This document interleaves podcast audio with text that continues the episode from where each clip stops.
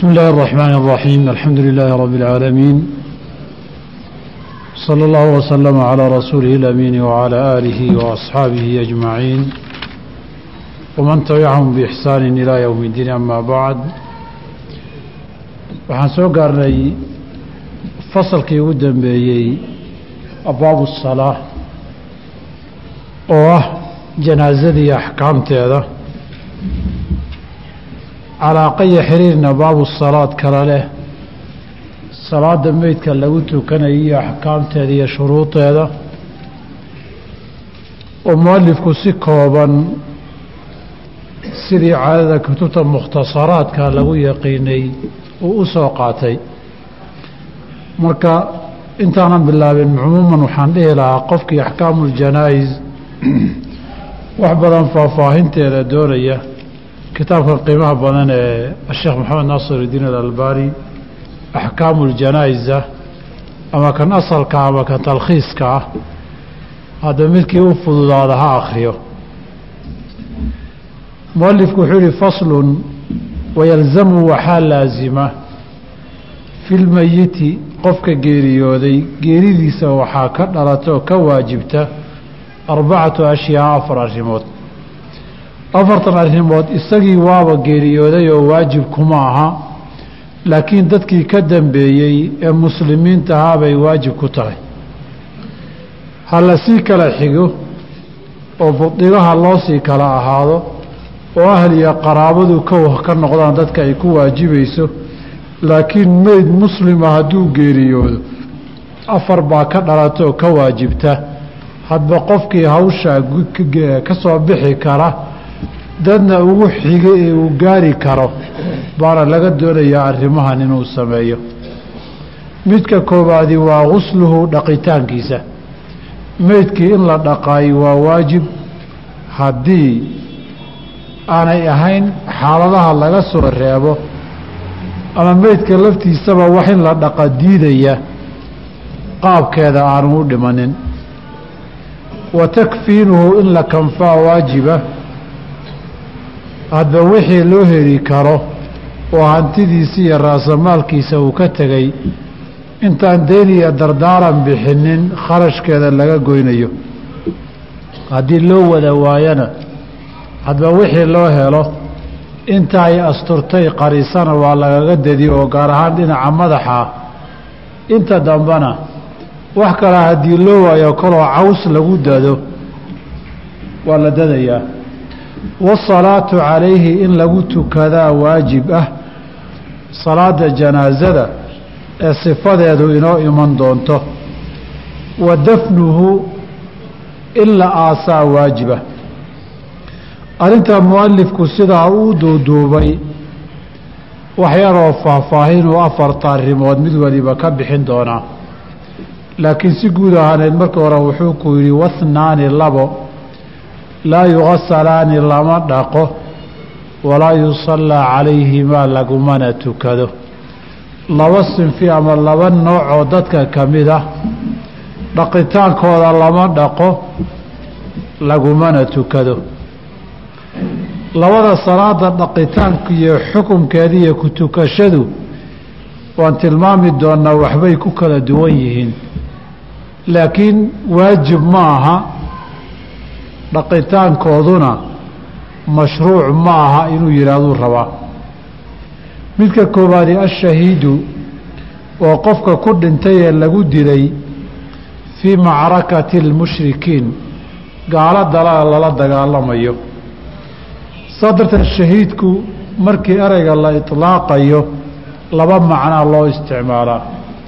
Midna darajo uu leeyahay aakhiri iyaa laga hadlaa dee shuruudii waxay ku xidhan tahay uu nabigu yihi calayhi salaatu wasalaam man qaatala fii sabiili illaahi wallaahu aclamu biman yuqaatilu fii sabiilih qofkay daacadiya dhab ka tahay ilaahay dartii ka tahay waa uur iyo qalbi wax ku jiro ilaahay baa ogay haddii shardigaa laga heluu darajaad helaa qofkii haddaba maydaanka macrakada ku geeriyooday shahiidka darajadaale ma yahay asalku haa haddii aan maanic ka hor istaaga la arag.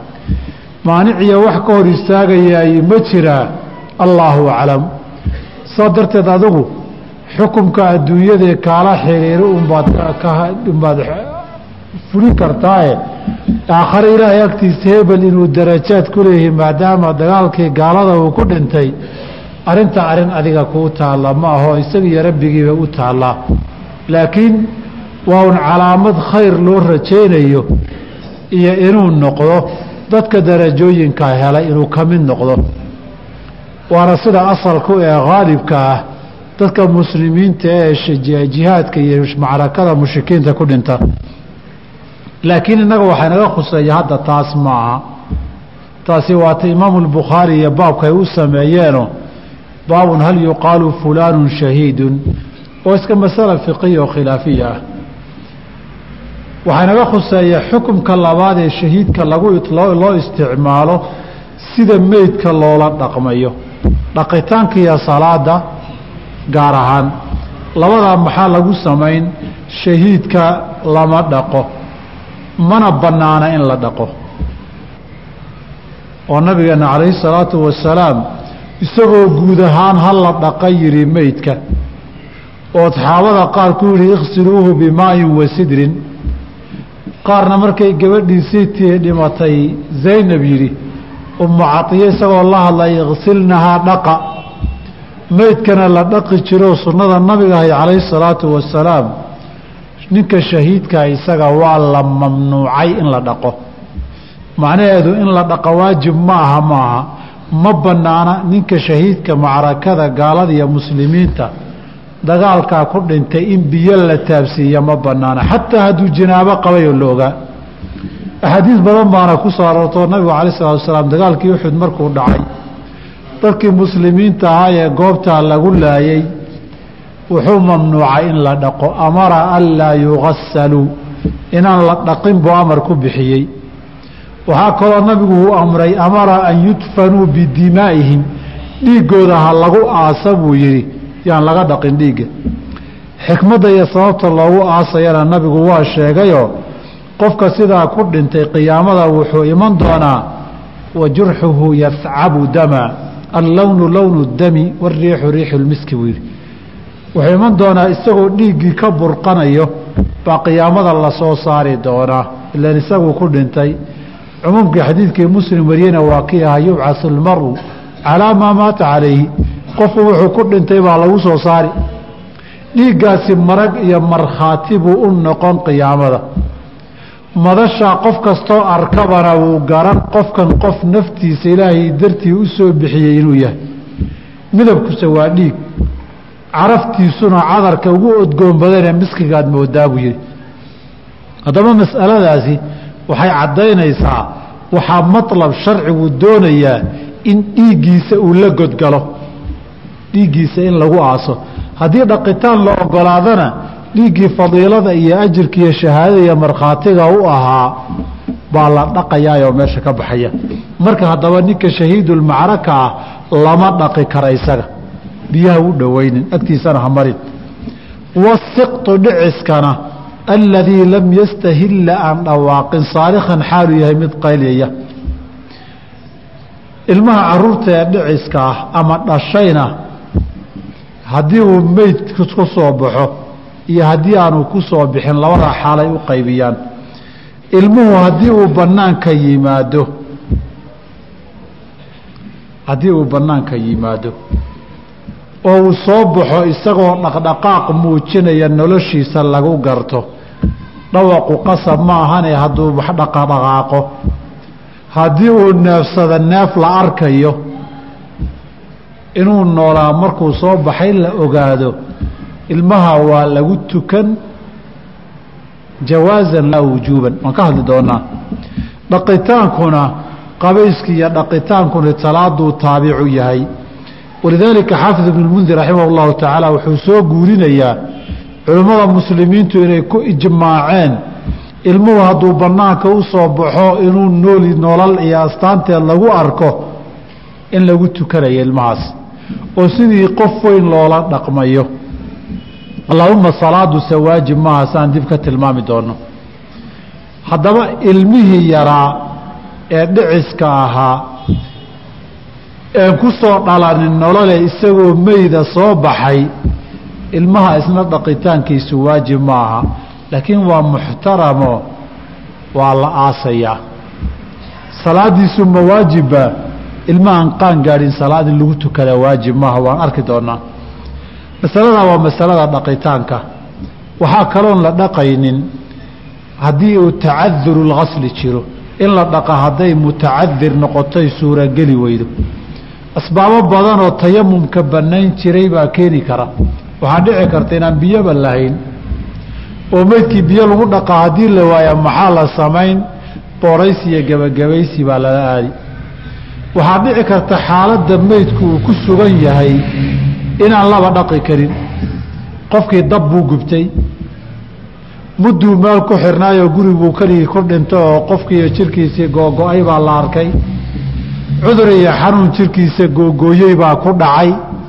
Asbaabo lamidoo oo dubkii haddii la taabtaba uu ku soo raacayoo googu-i baa jirta. Biyo la marin karin kaana baabu tayamum iyo tacaduru lmaa'i baa la geyn waxaa kaloo ka mid a hadday qof dumara tahay ninkeediina la waayo dumar dhaqana la waayo wa cinda shaaficiyatina maxaarim raga la waayo waa loo gebagabaynaya rag ajaaniba dhaqi maayaan.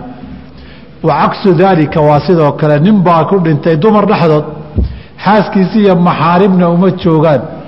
Dumarka ajnabigihii maryaha ka dhigoo dhaqa la dhihi maayo isagana waxay yidhahdeen waa loo gebagabayno isagana sidoo kaleeto waa un la-aasi. Xaalaadna waa xaalaad maanic sharciga uu yaallo. Biyaa la waayey meydkii baan laba taaban karin ciddii u dhaqi lahayd baa la waayey baabu tayamum baa lala aadi. Qolana waa qoladan qabays dhaqitaankiina laga dayn tayamumna aan loo dhoweyneynin oo sidooda lagu aasi. Amaa salaada uu yidhi laguma tukanayo ninka shahiidka ah inaan lagu tukanin. Waa mashruuc laakiin waa lagu tukan karaa. Oo nabigu shuhadaa uxud kuma tukanin. Laakiin sideed sano kadib buu qubuurtoodii intuu tegey kalmuwadici lahum si isagoo macsalaameynaya ayuu ku tukaday. Shuhadada uxud kuma tukanin markaan leenahay min xayu ljumlaan u jeednaa wailaa xamse wuu ku tukaday nabigu calayhi salaatu wasalaam say riwaayaad badan tilmaameen. Haddaba shuhadada in lagu tukada waajib ma aha waana lagu tukan karaa. Ilmaha yarka ah inta aanu qaan gaarin da-duu dooniba ha noqdee. Ilmaha yararkeen qaangaarka ahayni in lagu tukada waajib ma aha. Oo haddii isagoon lagu tukanin la aasa lama dambaabin. Nabiga calayhi salaatu wasalaam waxaa geeriyooday wiilkiisii ibraahim. Siddeed iyo toban bilood buu jiray. Wuu aasay salaadna kuma tukanin janaazaah wax janaaze ahna kuma tukanin. Hadda innaga haddii ilmo la aaso oo qofkii lagu tukan waayo dadkii iyo masaajidkii inuu colloobo toloobaa laga yaabaa. Nabigu arrinta ala slam wuxuu wiilkiisii uga tegay oo tusayey ilmaha yar in lagu tukada inayna waajib ahayn laakiin haddana in lagu tukada waa la ogol yahay. Oo xadiidka imaamu muslim uu warinayay caaisha radi allahu canha wa ardaaha. Waa kii ay lahaydee tilmaamaysay wiil ilmo yaroo reer ansaareed oo geeriyooday. Baa nabigu ku tukaday calayhi salaatu wasalaam markii qabriga loo waday caaisho waa kay leedahay tuubaa lahu. Ilmahani jannu iska leeyahay. Cusfuuru min casaafiri iljanna shimbirta jannada daaqaysu iska noqon riwaayadka qaarkood waxay tihi lam yaqtarif suu-an weligiiba dembi ma gelin. Nabigu intuu soo fiiriyo caaishaay aw hayra daalika ama hadalkaa waxaan ahayn dheh. Markaasuu nabigu wuxuu u raaciyey markii dambena inuu yihi ilaahay jannada dad buu abuuray wahum fii aslaabi aabbaa'ihim dadna naar baa loo abuuray iyagoo dhabarka aabbahood ku jira. Walow xadiidkan sixadiisa culimo badan ay dood iyo nisaac ka kiciyeen. Oo xaafid ibnulwasiir kitaabkiisa cawaasimtii iyo meelo badan rag badan ay ka doodeen axkaamu aطfaal marka laga hadlayo. Haddana xadiidku waa fii saxiixi muslim. Caruur yar yaroo nabigu waa lagu tukan karaa uu yihina sunankay ku soo sidaas darteed oo xadiidka jaabiri ah ilmaha laguma tukanayo wuxuu tilmaamayaa طiflu laa yusallaa calayhi ay wujuuban. Amaa jawaasan waa loogu tukan karaa taasi waa salaadii iyo dhaqitaankii la soo reebay. Meydka see loo dhaqayaa afarta waajibka ahay dhaqitaankaa kow ahaa wayugasalu lmeyitu waa la dhaqayaa witran tira isdheer saddex jeer shan jeer toddoba jeer ama ka badan watarkaasaa lagu wadayaa wayakuunu waxaa ahaanaya fii awali guslihi dhaqitaanka ugu horreeya sidrun caleenta gobka geedka gobka la yihahda caleentiisaa lagu dari ama wax booskiisii galoo sida saabuunta oo jirka nadiifiyaa lagu dari. Wa fii aakhirihi halka ugu dambaysa ee qabayska dhaqitaanka ugu dambeeyana shay-un wax loogu dari oo min kaafuurin waxyaabaha cadarka ududgoona halkan waxay u sheegay saddex arrimood buu qabayskiisa ka sheegay. Dhaqitaanka meydka waajibkiisu waa wixii najaasiya in laga zuuliyo.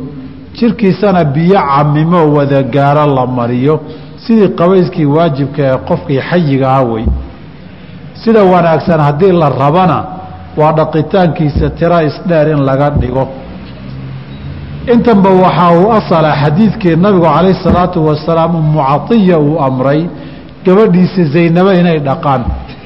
Oo uu yihi iksilnahaa alaaan aw khamsan aw sabcan aw akara min daalika in ra'aytun. Saddex ama ama toddoba ama ka badan dhaqa haddii ayna la qumanaato riwaayadka qaarkood ba waxay leeyihiin umu caiya tiri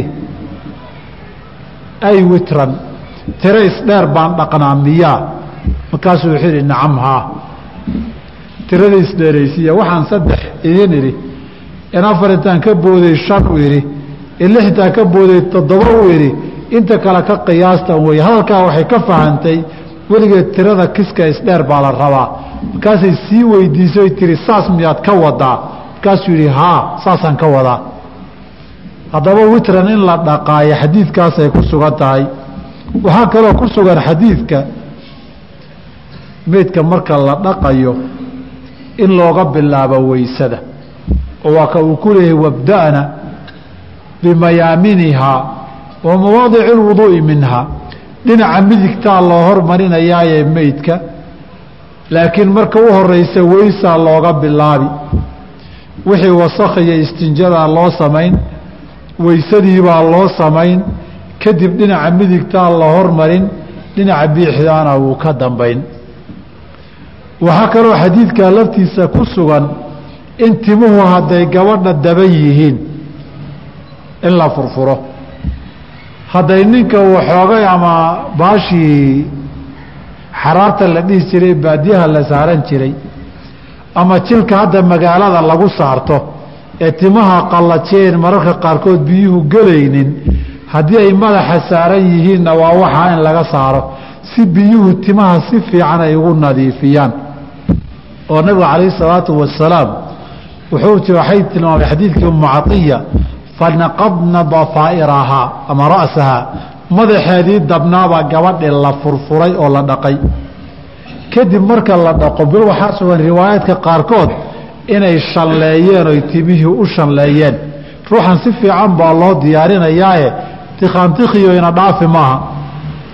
Timihii markii intaa lagu sameeya dumar hadday tahay in saddex qaybo xiro labada geesiyo fooda gadaalna loo sii daayo bay sameeyeenoo saasaa wanaagsan iyadana in loo sameeyo dhaqitaankii intaa dhaqitaanka marka la sameeyo waxyaabaha kale sunnada ee wanaagsan sidaa fiican marka loo dhaqaay waa dhaqitaanka la dhaqaya wax jirkii nadiifiyo oo wasakda ka gooyo oo saabuun camal ah ama saabuunaha in la mariyo. Xilligaa caleenta geedka gobka inta la soo guroo la yar tumo baa iyadu abuurna way kicisaa jirkana si fiican bay u nadiifisaa. Weliba jirkana sibsib yaraha adag bay ka dhigtaa. Taana iyadana nabigu calayh salaatu wasalaam iksilnahaa bimaain wa buu yidhi. Biyo iyo caleenta geedkaas isugu dara. Halka ugu dambaysana wajcalna fi laakhiri minhaa kaafuuran aw shay-an min kaafuurin bay riwaayaadku yidhahdeen cadar in la marmariyo. Hadda waayahan dambe markay dhaqayaan waxaa biyaha ay ku daraan dad badan aan arkay oo meydadka aada u dhaqa waxa inagu sunta daaw sunta dharka aan u naqaano baayaree kuuskuusanee cadi biyaha haddaad ku rido waxoogay ku jirto biyihii caadigahaa qabow baadan taaban karin.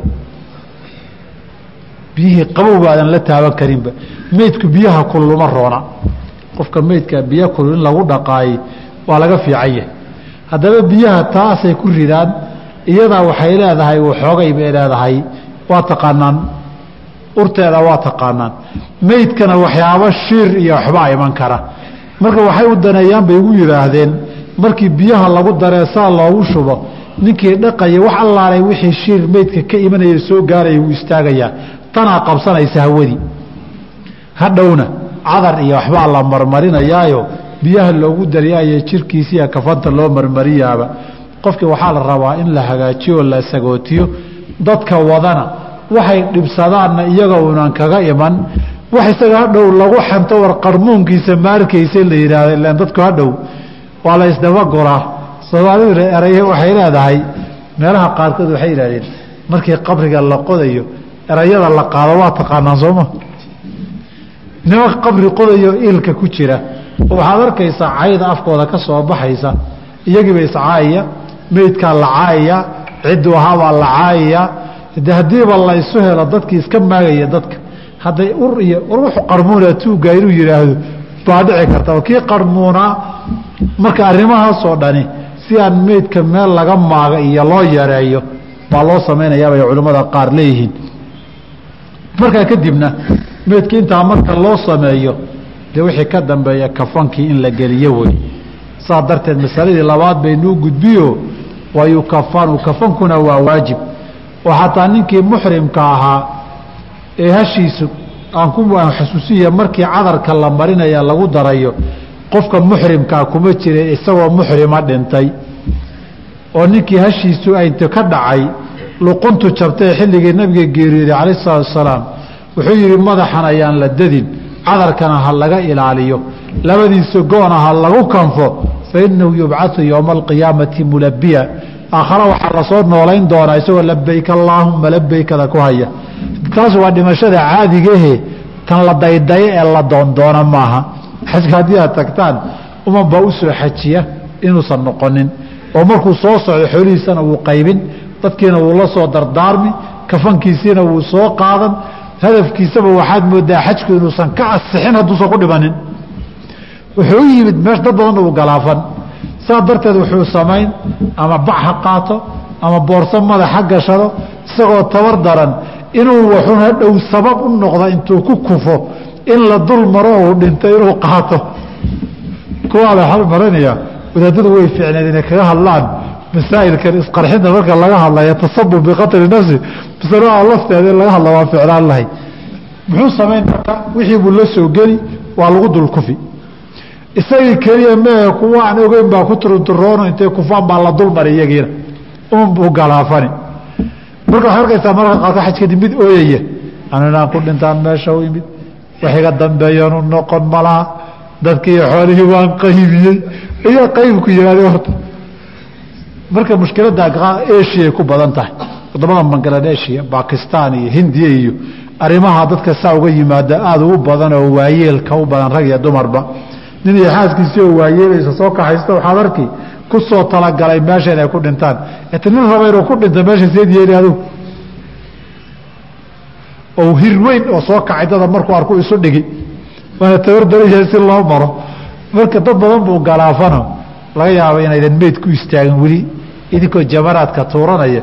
Inaydan meyd ku dul soconin baa laga yaabaa. Mar baad ku qasbanaano laftaadiiba meel u baxdaana naf baa ku haysa. Marka ninka muxrimka ah madaxa la dadi iyo cadarka la marin kuma jiro. Ninkaa nabiga ala sl hadda madaxii qoorta jebisay buu amray kafanko wakafinuuhu fii thawbayhi labadiisa maradun ku kanfa buu yidhi. Haddaba qofka kafanku waxaa wanaagsan kafan jirkiisa camimayo wada gaarayo asuraya inuu yahay haddii la heli karo. Ama isaga xoolo kuwiisa ha ahaadaan ama qof kalaba ha ku sadaqaysto. Waxaa wanaagsan kafankaasi fii alaaثati aswaabin saddex mara inuu yahay oo biidin cadcad. Saddexda maree cadcadna waa kuwii nabiga lagu kanfay sala اllahu alayhi waalihi wasalam ee nabigu ay caaisho lahayd nabiga alay sla lagu kanfay saddex maroo cadcad oo saxuuliye la yidhahdo meel saxuula la yidhahdo lagu sameeyey. Cumuumanna nabigu waa ku dhiirigeliye dadku kafanku inuu caddaado. Albisu biyaada min hiyaabikum fa inahaa khayru hiyaabikum wakafinuu fiiha mowtaakum dadkiina dhintayna ku kanfa buu yihi nabigu calayh isalaatu wasalaam laakiin maro kale haddii lagu kanfana kafankii waa asaxayaa waxaa wanaagsan kafanku inaan laga badbadinin oo la faanfaaninin oon wax aada qaali ah aan loogu kanfin wax caadi oo mutawasit ah sida fuqahada shaaficiyada qaar ay yidhaahdeenna imaamu nawowi oo kaleeta iyana daliil ma laha. Maryihii markuu noolaa uu xidhan jiray iyo noocii uu ka heli jiray ha loo xidho bay yidhaahdeen. Noocuu ka heli jiray ha loo xidho bay yidhaahdeen. Marka taasina wax daliila ma laho. Qowl iska daciifa wey. Laysa fiihaa saddexdaa kuma jirto loogu tirin maayo. Qamiisun qamiis iyo shaati midna. Walaa cimaamatun cimaamadna loo xiri maayo loogu dari maayo. Saddex maraa wanaagsan. Saddexdaa mara inay cadcad yihiin baa fiican inay jirka wada gaarayaanoo lagu duubaa fiican qofka meydka asaasaa loo kanfi. Haddii la waayo wax ku filan. Cid ugu deeqdana la waayo intay gaarto xagga madaxa koraan laga soo bilaabo baa lagu kanfi. Haddii ay laguhu banaanaadaan sidii shuhadaa uxudin dhacday oo muscab ibni cumayr iyo cabdulaahi ibni xaraam oo jaabir abihii ahaa iyo kafan deeqaa la waayey lugaha geedka dhurbada la yidhaahdo ama idkharka la yidhaahdo baa lugahooda lagu daday. Ilaa jaabir lix bilood kadib aabbihii intuu soo saaray isagoo sidii cawsi ku dadan yahay lugihiisa uu arkay. Waa haddii la waayo. Hadday intaa ka sii adkaato xaaladdu oy maryihiiyo dharku yaraadana laba meyd hal mara waa la iskula duubi karaa. Hadday dan iyo tabari tiraahdo sida shuhadaa uxudin nabigu calaih salaam uu sameeyey. Wa yukabiru haddaba wax markii la kanfa kadib salaadii baa lagu tukan. Salaadiina waata wa yukabiru calayhi wuu takbiirsanayaa arbaca takbiiraatin afar takbiirood. Ilaa sagaal baa la gaarsiin karaa laakiin riwaayaadka ugu badan ee ugu mashhuursan afartaa weeyo waa salaadii nabigu najaashi uu ku tukaday calayhi salaatu wasalaam. Afarta takbiirood ee janaasadu iyadoo ficli ay mutawaatir tahay. Amaa qowl ahaan nabigu inuu u faray ma sugna allahuma ilaa fii riwaaya taalifo waxaa jirta abu nacaym fii akhbaari asfahaan uu ku sheegayo niman warkooda aan waxba lagu salayn karin ay keeneen waa riwaaya afcaashii nabigun baa la soo guuriyey sal alla alay wasalam afartaa takbiirood dhexdooda waxbaa la aqrinayaa. Yaqra' wuxuu aqrinayaa alfaatixata buu aqrin bacda aluulaa ragcadda hore kadib oo iyadana waxaa sugan nabigeena calayhi salaatu wasalaam inuu bacda takbiirati اluulaa faatixada aqriyey waana xadiidi alxata bn cabdillaahi bni cawfin ee bukhaari wariyey wey taa way sugan tahay inta ka dambaysa sow ma aha wayusalii cala اnabiyi buu ku saliyi sala اllahu alayhi wasalam bacda athaaniyati takbiirta labaad kadib iyadana wax sariixoo cad looma hayee xadiid imaamu shaafici iyo nasaa-i wariyeen sheekh naasirna waa saxiix sanadkiisu uu leeyahay ee abi umaamata bni sahli bni xunayf baa wuxuu leeyahay nabigu calayhi salaatu wasalaam sunnada waxaa weeye imaamku inuu takbiirsado kadib faatixada takbiirta hore kadib akriyo kadibna uu nabiga ku saliya sala allahu calayh wasalam marka salaada nabigu inay ku xigto halkaa waa laga fahmi karaa bay yidhahdeen cibaaraadka dambe ee xadiidkaasna wayukhlisu ducaaa lilmeyiti fi takbiiraati albaaqiyatina waxay leeyihiin waxaa laga garan oo fiican oo munaasab ah ducadu inay israacdo oo asalaa cala nabiyi ayna soo kala dhexgelin nabiga marka lagu salinayo calayhi salaatu wasalaam salaatuljanaasana lagu jiro see loogu salii wax siiqo oo waarido oo asaxday ma jirto oo salaatuljanaasa khusuuskeeda markii la joogo intaan ognahay culimmada qaarna waxay yidhaahdeen aya siiqood nabigu ugu salido baa kugu filan qaarna waxay yidhaahdeen siyaqii tashahudka ee salaada saa igu saliya nabigu uu yidhi tanna salaadahun bay ka mid tahaye qiyaasan cala almafruudaati waannawaafishi baa iyadana la raacinaya salaatu ibraahim iyo siiqeedii ilaa toddobada ahaa mid ka miduhun ku akrita atixiyaadka ku akrido taaun raaci bay qaarna culimmadu leeyihiin laakiin waa masale un si khusuuskeeda sida salaatu cala nabiyi loo akriya calayh isalaatu wasalaam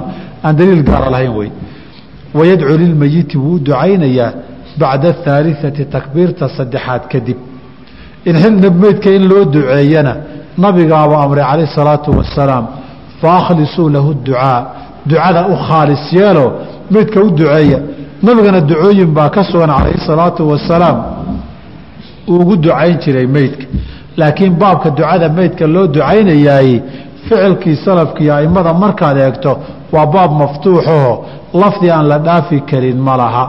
Hadba lafdigii iyo qaabkii sidii kuu fududaata ama ilaahay kuu sahlo baad ugu ducayn muhimaddu waa duco khaalisaho daartaa uu guuray ee uu u wareegay. Ilaahi subxaana wa tacaala dhibkeeda inuu ka badbaadiye khayrkeedana siiyo. Intaa weeye murtida loogu ducaynayaay laakiin khayrkii faahfaahintiisii iyo sharkii faahfaahintiisu waa mid waliba wixii u sahlanaada. Taasi waa dadka waaweyn. Ilmaha caruurtaa laakiin de isaga ilaah u dambe bni shucba wuxuu yihi ilmaha yar ee dhiciska ah waa lagu tukanayaa. Wayudcaa liwaalidayhi bilmakfirati waaraxma labadii dhashayna dembi iyo naxariis baa ilaahay loo weydiinayaa. Dembi dhaaf iyo naxariis baa loo weydiinayaa.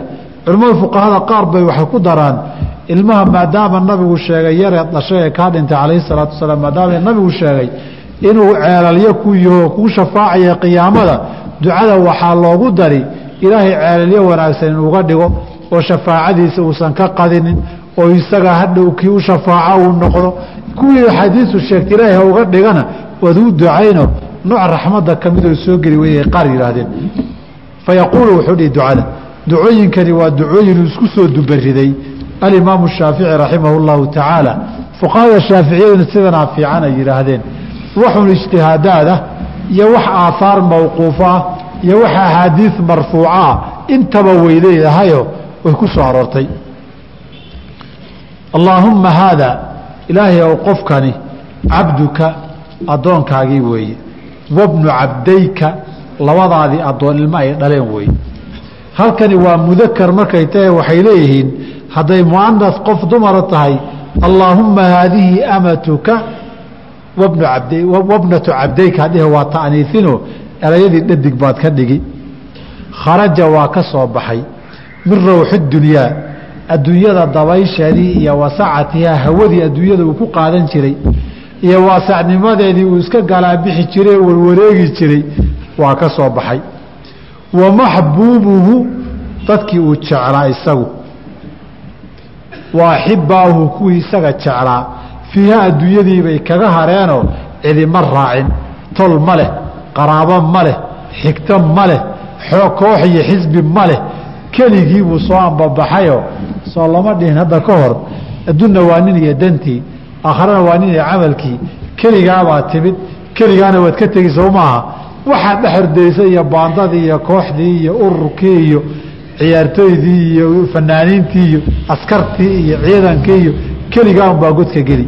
Marka ninkan maanta wuxuu tol sheegan jiray iyo qaraabo wuxuu sheegan jiray xoog sheegan jirayba maanta isagoo keligiia walaqad ji'tumunaa furaadaa buu soo baxay. Xaggee soo aaday marka. Adduunyadii waasacnimadeedii iyo hawadeedii uu soo axuu soo aaday ilaa dulmati alqabri qabri mugdigii. Iyo wamaa huwa laaqiihi iyo waxa uu la kulmi doonee ka horreeya kaana yashhadu. Wuxuu ahaa yashhadu mid qira an laa ilaaha ilaa anta. Adiga ma ahanee mid kale inuusan jirin. Waxdaka keligaa aad tahay laa shariika laka. Ilaah kaloo kula wadaago oo kula caabuday inuusan jirin. Buu qiri jiray. Wa anna muxamadanna cabduka wa rasuuluka addoonkaaga iyo rasuulkaaga inuu yahay nin shahaadateynka qirsan buu ahaa.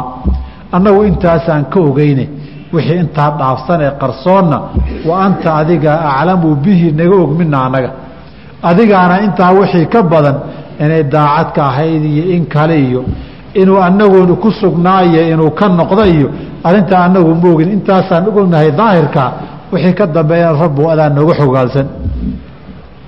Intaa waa gogol xaarki haddaba intan riwaayadan kaana yashhadu an laa ilaaha ilaa anta wa anna muxamadan cabduka warasuuluka in la yidhaahdo wa anta aclamu bihi waa ahar abu hurayra ka sugan radia allahu canhu wa ardaahu. Abu hurayra wuxuu dhihi jiray allaahumma ina cabdaka inahu cabduka wabnu amatika kaana yashhadu an laa ilaaha ilaa anta wa anna muxamada cabduka warasuuluka anta aclamu wa anta aclamu bihi allaahuma in kaana muxsinan saas abu hurayra ka sugan radia allahu canhu wa ardaahu inuu ku ducaysay sida imaamu maalik fii muwaaihi min riwaayati saciidin ilmaqbuuri can abi hurayrata uu ku warinayo haddaba intan qaybtii hore muqadimada ahayd ilaa anta aclamu bihi mina ahar abu hurayra wey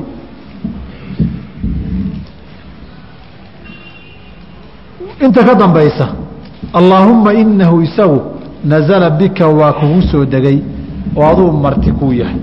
Wa anta adiguna khayru manzuulin bihi. Mid la soo lagu soo degoo la martiyo kan ugu khayr badan baa tahay. Intaa lafdigaa maanaan arag wax riwaayaadoo asaxay oo tilmaamay. Wa asbaxa wuxuu ahaaday faqiiran mid u baahan ilaa raxmatika naxariistaada.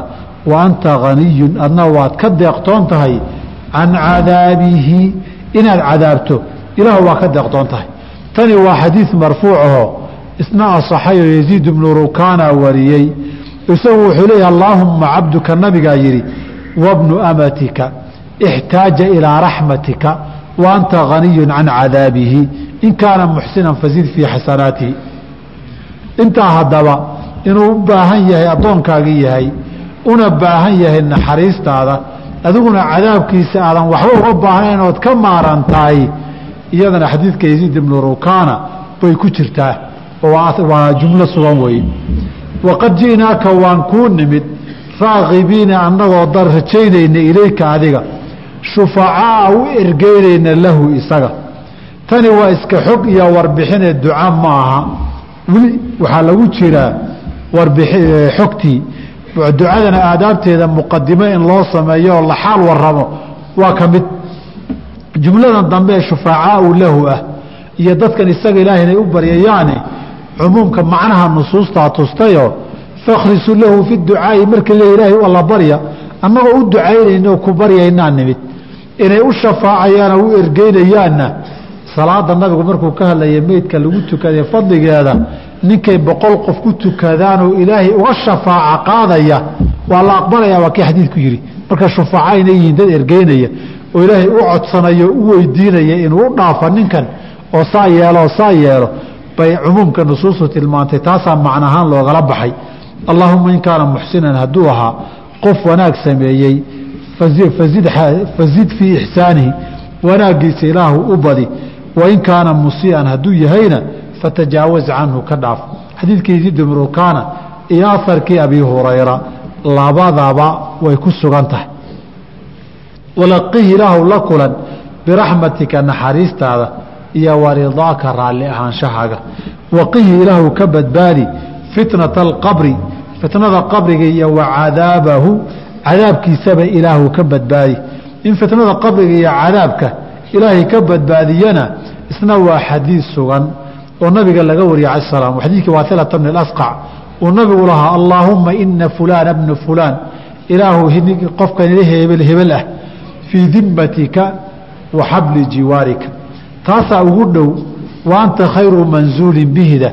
Tanaa ugu dhow ilaahow adiga xaggaagu u ahaaday adiguuna dariskuu yahay. Kadib buu wuxuu yidhi faqihii fitnata alqabri wa cadaaba annaari. Ilaahu ka badbaadi qabriga imtixaankiisa iyo cadaabka naartaba ka badbaadi. Wa anta ahlu lwafaa'i waalxaqi qof oofiyoo xaqna u leh baa tahay. Fakfir lahu warxamhu inaka anta algafuuru raxiim ilaahu u naxariiso oo u dembi dhaaf adu mid naxariistaa tahay. Sidoo kale xadiidka cawf ibni maalikna waqihii fitnata alqabri wa cadaaba annaari baa isagana ku soo aroortayoo isagana ku sugan marka jumladaa jumlo sugan wey wafsax lahu ilaah u waasici fii qabrihi qabrigiisa u waasici ilan qabriga qaarna dadka waa lagu ciriiriyaa qaarna waa loo kala fududeeyaa qalamaa waxaa yar qof inuu ka nabadgalo halka maree u horeysee dhab uu ku siinayo ee daktat lqabri la yidhaahdo waayo nabigan ala slam waa ki yidhi hadduu daktat lqabri halka maree qabashada hore ah dhag uu ku siiye qabri uu ku siinayo isku yardhegayo haddii qof ka badbaadi lahaa lanajaa minhu sacd bnu mucaadin. Sacd mucaad baa badbaadi lahaa. Sacd bnu mucaad darajadee lahaa nabigaa yihi ihtaza alcarshu limowti sacd bni mucaadin. Carshigaana ilaahay baa naxdintuu ka naxay dhimashadii sacd bni mucaad buu gilgishay. Jannada darajadee ku leeyahay lamanaadiilu sacdi bni mucaadin. Khayru min addunya wamaa fiiha. Fasaleetiga jannada u yaalla baa adduunyadii wax ka khayr badan. Ninkaasaa waxaa la yidhi hadduu qof daktatulqabri ka badbaadi lahaa sacd bni mucaad baa badbaadi lahaa isagoo hadduu badbaadi waayey maxay tahay? Adigu quusoo ku talagal wey. Dhagta hore in laguu tuujin ku talagal. Haddaba dakdada qabriga wixii ka dambeeya wey. Qaarna qabriga waa lagu cadaabaa qaarna qabriga madal basar baa loo waasiciyaayo waasac bay u noqotaa. Adiguse haddii aad qabrigii qodo meel la ciriiriyey iyo meel la waasiciyey midna arki maysid. Markaasa waxaa laga yaabaa inuu yidhaahdo waree dhahay maxaa been loo sheegayay away qabriga la waasiciyey awayse qabriga ciriiriyey laakiin waxaa ka maqan nolosha qabriga ciriirigeedii iyo waasacnimadeedu loogama qiyaasta midda adduunka nolosha qabriga haddaad rabta sawir soo dhoweeyey inaad aragto hurdadiiyo riyada wey aduu qabrigiibaad qoday wax ciriiryamaiyo wax la cadaabayo waxba ma aragti soo waxa la jannaynaya midna. Su'aal baa kuu taalla. Ninka garabkaaga jiifa ka god ku jira maxaad ka dooni? Ee hurda. Ee adiguna agtiisa aad fadhideed ku sheekay wax ku akhriyayso ee ama dagaalka ku jira ama dabka ku kacay ama bacluhiiyo cadowga cayrsanayo ama baabuur shil la galay ama la qabtay la gowrgowracayo la gogoynayo horta maxaad ka ogtahay wax la gogoynaya miyaad aragtaa? Inay arrintaasoo kala dhacda miyaad diidi kartaa? Dadna waa hurdaa. Waxaa weeye adduunka naftibaa halkaa haysa. Ama waxaa weeye uuba damaashaadayaayo uu faraxsan yahay maalintaasoo. Khayr baa u soo kordho uu riyoonayaa. Adnagoo adag fadhidaa. Dhibkiisi iyo khasaarihiisi iyo faa'iidadiisa uu ku dhex jiro. Miyaad wax ka ogta kii agtaada jiifay baa wadan ogeyn waxa uu ku jire kugod ku jira maxaad ka dooni. Waxay idhahdeen hurdadan lacalla xikamka ku jira waxaa kamida lagu riyoonayo in lagu xasuusiyo xayaatadu inay kala duwanta ninka hurda xayaatadiisi iyo shaqayntiisi iyo riyadiisi iyo ninka noola indhaha kala hayaay waa laba baaboo kala fog aan lasaga qiyaasan karin. Halkanaad jiiftaa adduunkao dhanna waad soo martay sooma waad jiiftaa neerhablaanna ka dagaalamaysaa markaa soo nairobi baa dhex fadhida. Sad magaalo u qaxayso. Ilaa la yidhi haweeney uu libaaxa qaaday. Baa tiri ilaahu riye iga dhig. Riyada mararka qaarkood saa qabta adoo lagu cayrsanayo madhaha kala qaadi. Kasoo hareeraha fiirfiirinteeda marka laba caalam inay kala yihiin oo waxba isaga danahayn waa muuqataa. Caalam aakhirana min baabi ohla waa ka sii fog yahay faqis calaa daalika dheh ka sii qiyaas halka haddaad rabto marka qabriga waa waasac noqdaa. Waana ciriyamaa wajaafil ardi ilaahu dhulkana ka foge. Can jambayhi labadiisa dhinacba ilaahu ka foge. Qadiyadani waa qadiyadana naska ku sugan wey. Xadiidka cawf bn baa wuxuu leeyahay wawasic mudkhalahu. Ilaahu meeshuu galay qabrigiisa u waasici waasicintii wafsax lahu fii qabrihi wajaafi arda can jambayhi natiijadoodu waasicintii weeye labadoodube wax kaloo cusub ma aha. Walaqihi ilaahu la kulan biraxmatika naxariistaada waxaad la kulmisaa darteed alamna nabadgelye min cadaabika uu ka nabadgalo. Xataa tabcaثahu ilaa aad soo saarto aaminan isagoo nabadgalay ilaa jannatika jannadaad u soo saarto biraxmatika naxariistaada ya arxam araaximiin kolba riwaayada cawfnu maaliki allaahuma kfir lahu ilaahu dembi dhaaf. Warxamhu u naxariiso. Wacaafihi wacfu canhu ilaahu caafi oo ka badbaadi dhibka iskana cafi. Wa akrim nusulahu meeshanuu ku soo degay ilaahu ku soo ku sharaf. Wawasic madkhalahu. Meeshanuu galay godkana u waasici. Waqsilhu bimaain wa haljin wa baradin. Ilaahu intaa noocyada biyaha kaga dhaq wanaqihi min alkhaطaaya kamaa yunaqa thawb abyadu min adanas wixii dembeen ilaahu ka nadiifi sida marada cad loo nadiifiyeen wax yarba loogu reebin ila wuu muuqane waabdilhu daaran khayra min daarih ilaahu gurigii adduun uu ku lahaa iyo xoolihiisii wax ka fiican ilaahu qabriga ku sii wa ahlan khayra min ahli dad iyo wehel oga khayr badan kuwii dunidana sii wa zawjan khayra min zawji reer iyo xaasama oday uga fiican kii adduunkana sii waqihii ka ilaali fitnata alqabri wa cadaaba annaari cawf bn maalik wuxuu leeyahay nabigaa ku daba tukanaya maalintaas calayh salatu salaam. Nin meydoo dhintayna wuu ducaynayey markaa intaa ducadaa nabiga maqlay yaa waxaa hi allah adiga yaa kaa dhiga ninka meydkee loo ducaynayo ducada nabiga waa la aqbaliye ninka maanta meeshaa jiifee ducadaa loo duceeyey alla yaa kaa dhiga. Nineeda aakhara wax dhigta ama si fiican u rumaysan baa markay khayrkeedu yimaado tamaniya. Innaga soo maaha allahu mustacaan waxaa kaloo saxiixa calaa shari shaykheyn xadiidka tirmidiya wariyeene abi hurayra. Nabigunu dhihi jiray allahuma kfir lixayina wa mayitina.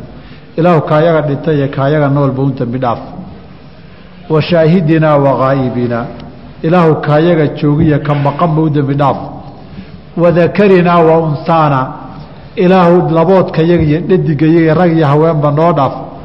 Wa sagiirinaa wa kabiirinaa ilaahu kuwa yaga yaryarkii iyo waayeelka iyo dayartayadaba ilaahu noo dembi dhaaf. Allaahumma allaahuma man axyaytahu mina ilaahu qofkii naga mideed noolayso faahyi cala alislaam ilahu islaamnimada ku ku hay oo ku noole. Waman tawafaytahu mina qofkii naga mideed oobsatana fatawafahu cala aliimaani ilaahu iimaanka ku dil iyo shahaadada xaq ah allaahuma laa taxrimnaa ajrahu walaa tudilanaa bacdahu. Ilaahu ajirkiisana hanaga qadin.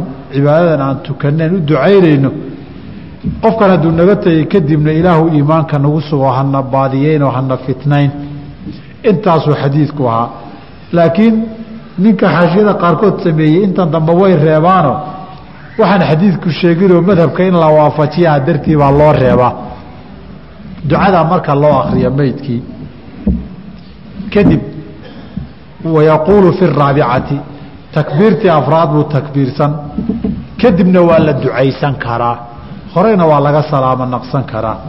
Allaahumma laa taxrimnaa ajrahu ilaahu ajirkiisa ha naga hoojin walaa taftinnaa bacdahu gadaashiina hana fitnayn waqfir lanaa walahu ilaahu annaga iyo isagaba noo dhaaf riwaayada xadiidka saxiixa ee abi hurayra inay bacda araabic ahayd kuma cadda ducadii aan soo maray ee allaahuma kfir lixayina wa mayitina jumalkii ugu dambeeyey weeye laakiin midna way sugan tahay oo bacda araabica in la ducaysta way sugan tahay oo waxaa nin saxaabada ka mid a cabdillaahi bni abi awfaali radia allahu canhu wa baa janaasada tukiyey.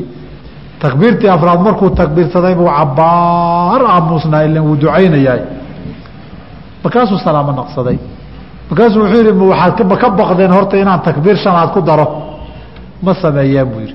Nabigaan arkay calayh salaatu wasalaam afar markuu takbiirsado isagoo wuu xoogay joogaya. Macnaa ducadii baa la sii wadaa meydka loo ducaynayey haddaba bacda araabica macnaha in la ducayn karaa tii loogu soo celiyaa iyo mid cusub la akhriyaaba way sugan tahay. Laakiin jumladan gaara in la yidhaahdo xadiidkaa la kala gooyo waa madhabe xadiidka daahirkiisa ma aha. Kadib markaad dhammaysato wayusalimu uu salaamo naqsanayaa bacda araabicati afraad markuu dhammeeyo ducadana dhammaysto uu salaamo naqsanayaa. Daahirka riwaayaadka ibnu mascuudiya waxay tilmaamayaan waa laba jeer assalaamu calaykum assalaamu calaykum weeye.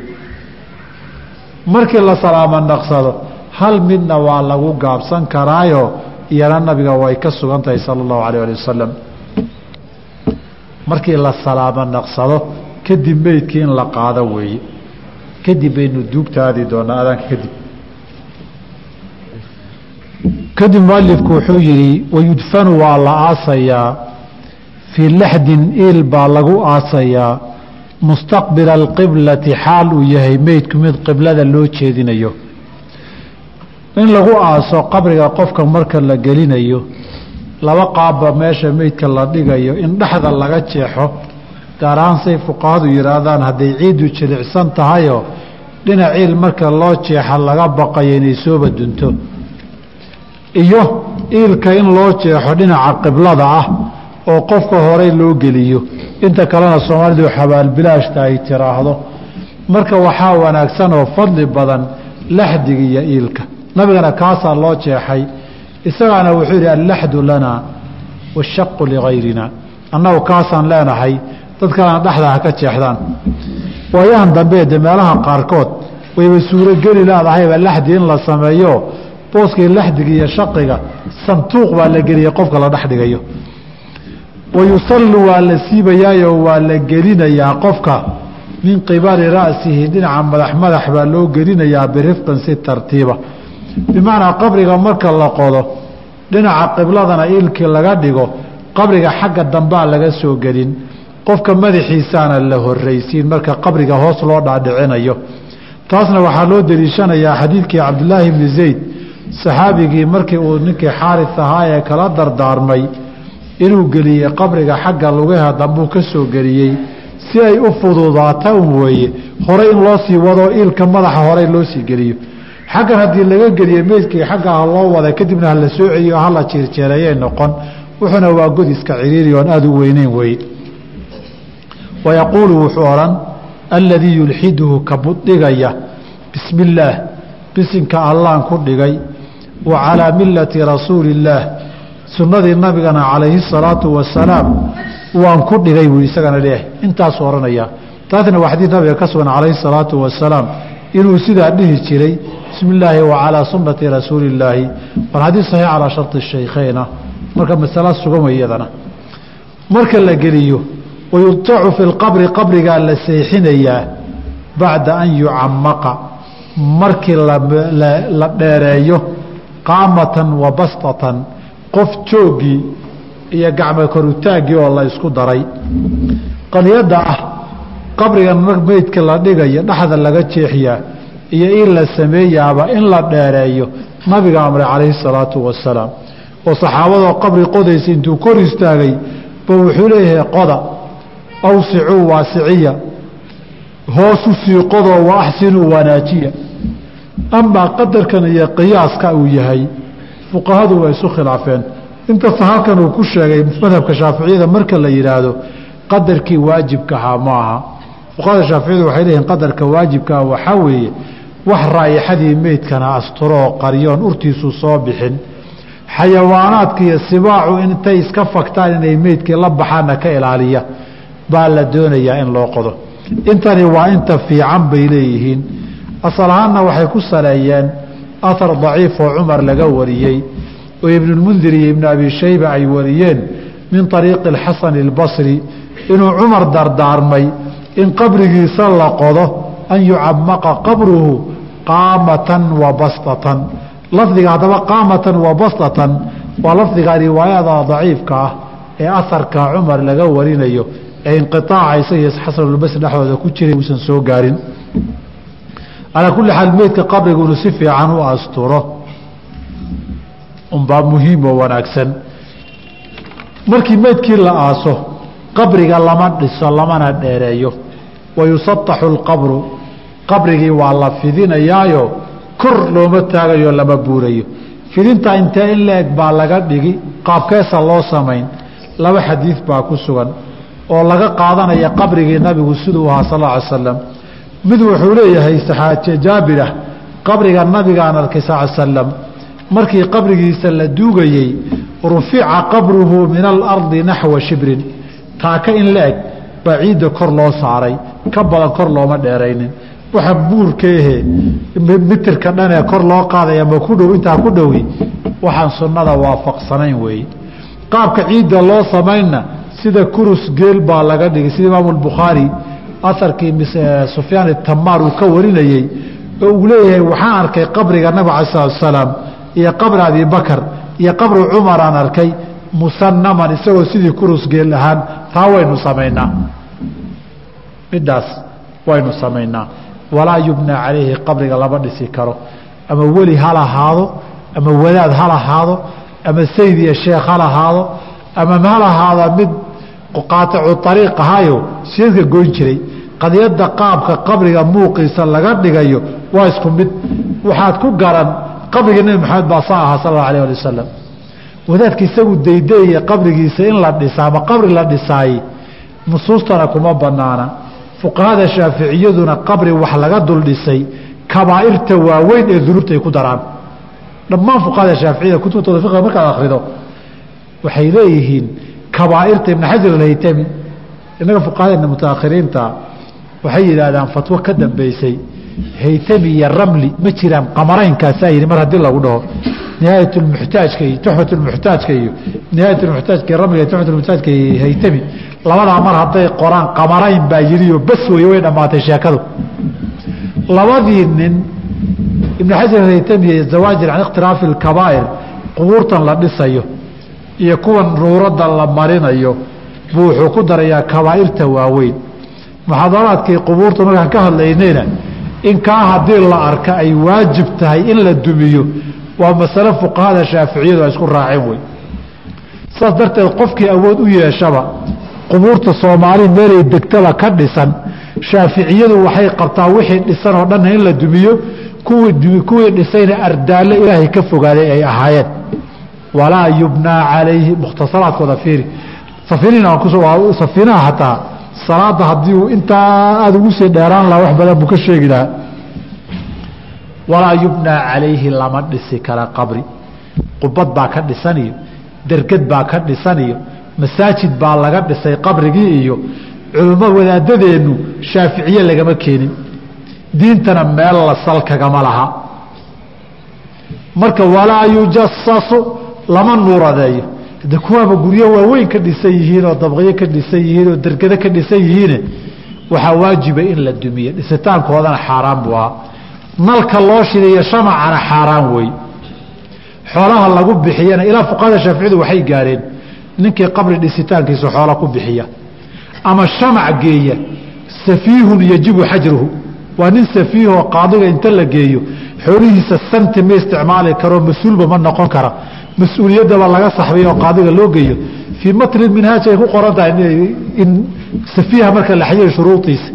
Markay ka hadlayaan mas'aladana waxay ninka qabriga shamaca u nadriyo ninka waxyaabaha geeyiyo ninka alaabta hag dhigdhiga waa safiihun yajibu xajruhu. Innagana tiibaa ilaahay loogu dhowaanaya wixii xataa qofku mas'uuliyaddii sharcan saarayd oo dhan xoolihiisii laguma aamini karo sharcan la leeyahay baa innaga ilahay ugu dhowaanayna ka horan. Ilaahayna muxuu yidhi safiihan xoole loo dhiibiso ilahay ma dhihi. Walaa tu'tuu sufahaa amwaalakum. Safiihan xoolo qiimahood garanaynin oo kaa qabriga shamaca geynaya oo kaleeta xoolayaan loo dhiibin ha laga ilaaliyo. Odaygii reerkay sultaankaba ha noqdee. Ama sheekhii meesha kitaabta akhriyaya xataa hadduu yahay hadduuba qabri shamac geyn bilaabo maxkama sharciga intii la geeyo minhaajka loo soo qaado ha laga mamnuuco shilin xoolahaga mas'uul kama noqon karta. Waayo khayru mas'uul baa tahayba adiga.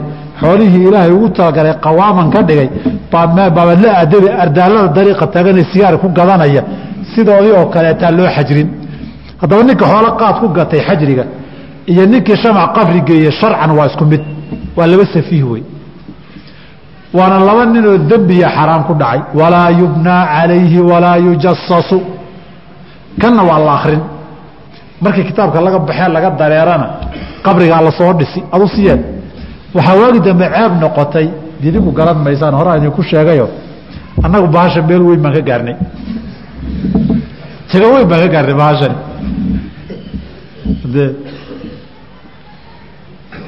waa bahal weyn iyo calamo waaweyn ragga u sugnaayeen baa hadda magaalada jooga. Marka bahashan waxaa si fiican minhaajka waan soo akrinaa waan soo akrisanaa markaan ka soo dareernana kitaabka intaan laabnoon meel iska dhigno baan haddana qubuurtayada iska dhisanaa iska nuuradaynaayo ninkii aabbihii yaraha sheekh ahaayoon darkad iyo masaajid iyo mawlac ka dhisinna waaba nacas aabbihii gooyoon ixsaankii abaalkii samayn waadha waalidka ixsaanka loo sameeyey ma in la caasiya oo wax xaaraana lagu dul sameeyo. Mise waxaad ilaahay ugu dhowaanayso inaad u ducayso ilaahay u barido oo sadaqo ka bixiso ood masaakiin xidhiiriso awqaaf u samayso wey. Walaa ba'sa dhib leh. Bilbukaa in loo ooyo cala almayiti meydka in loo ooyo dhib ma laha laakiin shardi min hayri nawxin iyadoon qaylo jirin walaa shaqi jaybin marya la dildilaaciyo jirin oon timo la xiro lahayn oo timaho oo la yidhaahda shanlaysan maayo oo way isku dhexyaacayaan aan lahayn intaasoo dhan lama ogola wax kasta oo muujinaya argagaxiyo inay talo farahaaga ka baxday lama ogola ilinta waa la ogolyahay inay kaa timaado ooyin laakiin qaylo kor loo dhawaaqay lama ogola. Amaa ilintii la ogol yahay nabigu wiilkiisi ibraahim calayhi salaatu wasalaam oo naftii ka baxaysuu soo kor istaago u yimid. Markaasay ilini ka daadatay. Saxaabadiibaa waxay yidhaahdeen wuxuu yihi nabigaa wuxuu yidhi alcaynu tadmac ishu way ilmayn waalqalbu yaxzan. Qalbiguna wuu tiraanyoon. Walaa naquulu ilaa maa yurdii rabbana. Laakiin afka yaga ka soo bixi mayso waxaan rabbi raalli ka ahayn. Wainaa lifiraaqika yaa ibraahimu lamaxsunuun geeridaada aada naga tegaysa ibraahimow qalbiga iyagu waa ka xun yahay. Afka yagase waxaan ilaahay raalli ka ahayn ka dhihi mayno gabadhay gabadhiisa zaynabo dhashayna. Markay laba goor iyo ku soo celisay u yimid baa iyadoo naftu ka baxayso buu qaaday. Markaasay ilini ka timid. Saxaabadaa tiri oo adna ma adiguna waad ooyi miyaa markaasuu wuxuu sheegay tani raxmad ilaahay qalbiga geliye inay tahay. Laakiin waxaa la diidaya qaylada iyo dhawaaqa inuu yahay. Qaylada iyo dhawaaqana si gaaruu nabigu u reebay calayhi salaatu wasalaam wuxuu yihi qofka baroor diiqa ee qaylya ee ooyinta waa waaw yidhaahda hadduusan intuu nool yahay ka towbadkeenin maalinta qiyaamada waxaa la keenayaa isagoo dhar naar a qaba baa la keenayaa. Ee dadkaagiina waa naar diraysana aakharaha lagugu xiro soo laba nasiib darro maaha. Innaga waxaa weeye oohin laysugu soo gurmado ma aragteen? Xaafad baa laga iman. Dhaqanka soomaalida meelaha qaarkood waxaa ka mida reer baa laga geeriyooday. Tuulo heblaa laga soo bixi haweenkii baa isa soo urursan waa la soo labisan waa la soo xaragoon waa la soo sheekaysan. Si loo sheekaysanayaa reerka marka lagu soo baxo. Ba hebla adigaa cod mallane noogu dhufo. Adaa cod mallane noogu dhufaa la dhihi oohinta ku dhufada tan oohin miyaa marka